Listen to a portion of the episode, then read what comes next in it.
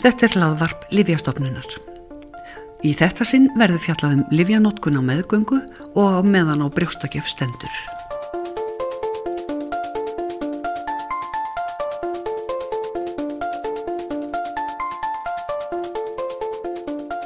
Miklar breytingar verða í líkama konunar þegar hún verður barsáhandi og á þeim tíma sem meðgangan stendur, þessum um það byrj 40 vikum, er sérstaklega mikilvægt að huga vel að heilbriðu lífverðni. Eitt af því sem þarf að gæta að og íhuga er livjanótkun. Hvað er óhætt og hvað þarf að varast í þeim efnum? Því eins og segir á vef heilsugjæslunar berast flest líf sem mælast í blóði móður í gegnum fylgjuna til fóstusins. Guðrún Stefánsdóttir er livjafræðingur, teimistjóri í matstild livjastofnunar og einn helsti sérfræðingur stofnunarinnar í því sem snýrað aukaverkunum livja. Já, það á almennt sé við um þau liv sem mælast í blóði, þannig að þessi liv eru að fara yfir fylgjuna, geta haft áhrif á fóstrið. Er það þá þannig að, að það sé mælt með því að bara nota sem minnst af livjum uh, á meðgöngu? Er, er það svona almennu tilmæli? Jú, það er almennu tilmælin að reyna að forðast uh, livjanotkun og óþarfa livjanotkun sérstaklega á meðgöngu en það er þannig að að konur geta bæði glimt við eitthvað sem tengir sérstaklega meðgöngunni, einhverja fylgi kvilla sem að krefjast uh, jafnvel livjanótkunnar eða þá að þær séu með króniska sjúkdóma og uh, læknir metu það svo að ekki sé hægt að stöðva livjanótkun á meðgöngu. Þannig það, það þarf að skoða slík tilvik þá vandlega, meintalega kannski sérstaklega þetta með krónisku sjúkdómana sem að, að, að móðurinn þarf á livjanum að halda alveg bussi frá meðgöngunni.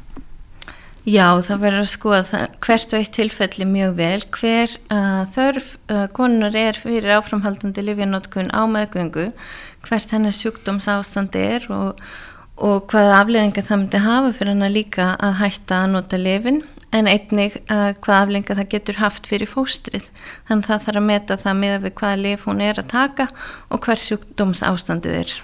Það eru mörg lif sem eru varasum og geta valdið um, fóstur, fóstur skada og því þarf að skoða uh, eiginlega bara um leið og kona hegst um, fyrir að huga að barnegnum uh, hvort hún sé á livjum og, og hvort hún geti þá haldið áfram á þeirri meðferð sem hún er eða hvort það séu kannski önnu liv sem að, að væri betra að nota. Já, það getur komið til greinaðu þetta að, að skiptum liv, að eitthvað annað liv sem að myndi gagnast enni uh, sé mildara fyrir fóstrið. Já, það getur verið að þurfti bara að skipta yfir í annað liv þar sem um, við höfum meiri, lif sem við höfum meiri upplýsingar um til dæmis eða lif, um, ef lif sem kona notar að staðaldri hefur þekkt uh, fósturskaðandi áhrif þá væri líka uh, þörfa því að skoða lifja meðferna hennar og, og skiptum lif Hvað með uh, lifi svona kvestastlegu kvillum veist, höfuverkur, slappleiki og þetta sem að fólk tekur svona á og til í, í smá tíma er, er, er þau uh, örg?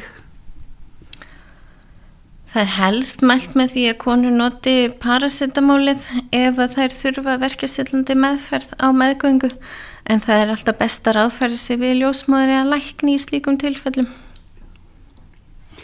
En hvað með, eh, nú eru marga konu sem að glýma við morgunógliðu og sem að ansi, fá ansi eh, mikil slík einkenni.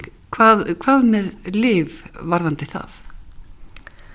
Já, það er skoðað uh, fyrir þær konur sem að, að glýma við mjög mikla morgunógliði og þá verður að skoða hvort að þeir ná að halda niður í vögvæða fæðu og hvort það sé að missa mikla þyngd með að við þá þyngd sem það voru í fyrir meðgöngu og þá getur verið að, að það þurfa að gefa þeim liv og og í, í þeim ráðlökingum uh, sem ljósmæri er að vinna með í dag þá er uh, þá er það póstafen og fenergan sem er helst verið að gefa. Og þessi lif hafa ekki uh, þekkt fóstur skemmandi áhrif en hins vegar vantar líka upplýsingar um þessi lif eins og önnur. En þetta eru um, bestu upplýsingar sem við erum með í dag. Þú segir það vantar upplýsingar um þessi lif sem sagt um áhrif að lifja á fóstur. E, e, það er erfitt að, að það er ekki gerðar e, klíniska prófanir eins og með önnu lif. Það er alveg rétt, það er ekki gerðar klíniska prófanir uh, á fóstur og, og það er einmitt eitthvað sem er reynda forðast í klínisku rannsóknum uh, þar sem konur verða að vera á virkri getnaðavörð meðan það er taka þátt í klíniskri rannsók en eftir að líf koma á marka þá er upplýsingum sapna saman og við sapnum saman upplýsingum bæði um aukaverkanir en líka um uh, notkun livja á meðgöngu og þær upplýsingar þær hjálp okkur mikið við að meta hvort lifja meðferð sé örug eða hvort að hún hafi skadalega áhrif á móður og fóstur. Hvaðan fáið þessar upplýsingar? Þetta eru aukaverkan tilkynningar sem koma bæði frá almenningi og heilbriði starfsfólki og skipta sköpum í, í að meta að lifja meðferð. Og það er rétt að nikja á þessu. Barsamandi konur taka ekki þátt í klíniskum rannsóknum á livjum því ekki er talið siðferðilega verjandi að taka slíka áhættu að láta reyna á áhrif livs á viðkvæmt fóstrið. Þess vegna eru tilkynningar um aukaverkan í livja sem konur hafa tekið á meðgöngu sérstaklega mikilvægar þar sem upplýsingar um livjanótkun undir þessum kringum stæðum eru mun minni en yfirleitt gerist um áhrif livja. Þann 22. september síðastliðin var haldinn fjárvinnistofa á vegum Lífjastofnunar Evrópu, einmitt með það að markmiði að finna leiðir til að afla frekari upplýsinga um áhrif Lífja sem tekinir á meðgöngu og við brjóstakjöf. Guðrún Stefansdóttir tók þátt í vinnustofinni og hún segir margar hugmyndir hafa komið fram í þessa veru. Til dæmis, hvort byggja ætti um að lagða síðu fram rannsóknir um hver verði styrkur viðkomandi livs í brjóstamjölk þegar sótt eru markaðsleifi. Einni hvernig tengja megi saman gagnagrunna sem innihalda upplýsingar um lífjanótkun á meðgöngu og við brjóstakjöf til að fá heilstæðara gagnasapn. Við hefum eftir að heyra frá ymsum sérfræðingum og vonandi geta þeir deilt með, sinn, með okkur sinni reynslu úr klíniskri praktík og úr ansóknum sem er verið að framkvæma við ymsa háskóla og við vitum þá hvert við hefum að stefna varðandi það að bæta öryggi og upplýsingagjöf vegna lefja meðferð á meðgöngu og brjóstakjöf. Þannig að það hafa kannski verið gerðar einhver slíka rannsóknir að það hafi verið skoðu gögn kannski frá læknum, frá ljósmaðurum og, og, já, fæðingadeildum þar sem að kannski er hægt að afla ennfrekari upplýsinga. Já, það getur verið gögn sem við getum notað eh, til þess að fá uh, betri mynd fyrir einstakar liv eða fyrir þennan sjúklingahóp í heild. Um, svo eru þetta til gagnagrunnar þar sem sérstaklega verið að skrá og fylgjast með lifianótkun á meðgöngu og slíkt er notað til þess að, að meta öryggi sumra livja, til dæmis flógaveiki livja Þar eru þekktir gagnagrunnar þar sem við erum að sapna upplýsingum um þennan sjúklingahóp. Hvernig er til dæmis með, með slíklif? Er, er, er óhætt að taka slíklif á meðgöngu? Það verður bara að meta með við sjúkdómsástandið og, og hvaða lif uh, við komum til kona er að nota og eins og ég sagði áðan uh, að skoða hvort að hún sé að nota lif sem er við hæfi á meðgöngu eða hvort það þurfi að breyta yfir í annað lif. En þess að þetta, þetta er þá metin alltaf áhættan bæða á heilsu, móður og fóstusins. Já, það verður skoðað út frá um, báðum þáttum um, hvað það þýðir fyrir móður að, að hætta að nota lif en líka hvað áhrif það getur haft á fóstrið að móður noti ákveðin lif. Hér hefur mest verið rætt um lífjanótkun á meðgöngu. En hvað með brjóstakjöf? Gildir það sama um meðgönguna og brjóstakjöf? Fara liv jafn auðveldlega út í brjóstamjölkina og um fylgjuna til fóstusins?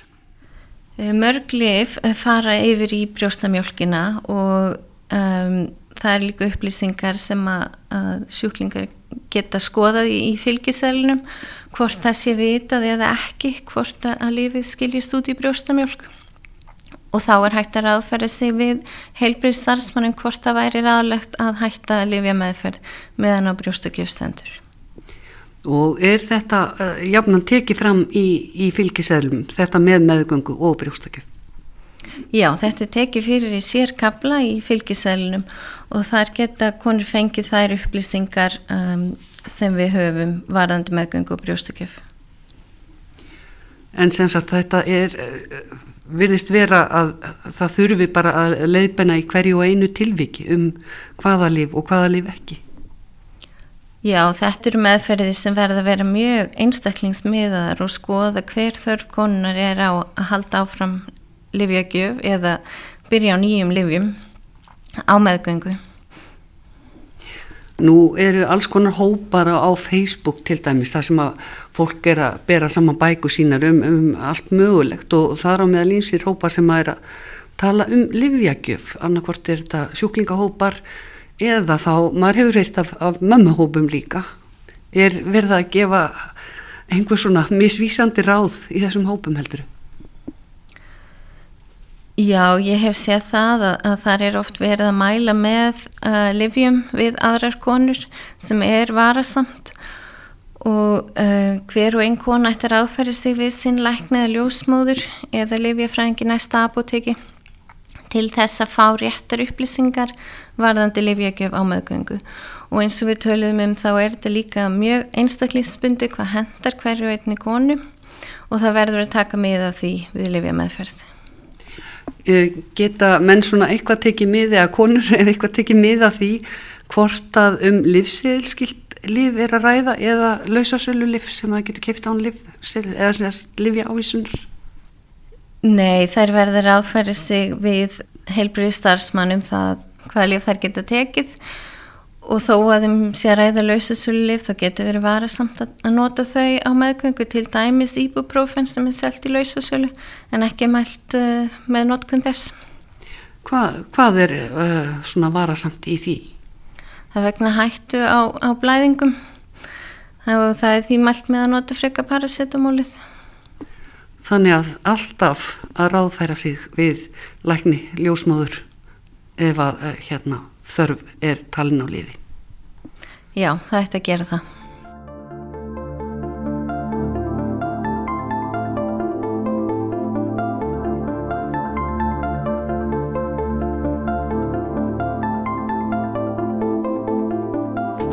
Þetta var Guðrún Stefánsdóttir, livjafræðingur, teimistjóri í matstild livjastofnunar og einn helsti sérfræðingustofnunarinnar í því sem snýr að aukaverkunum livja.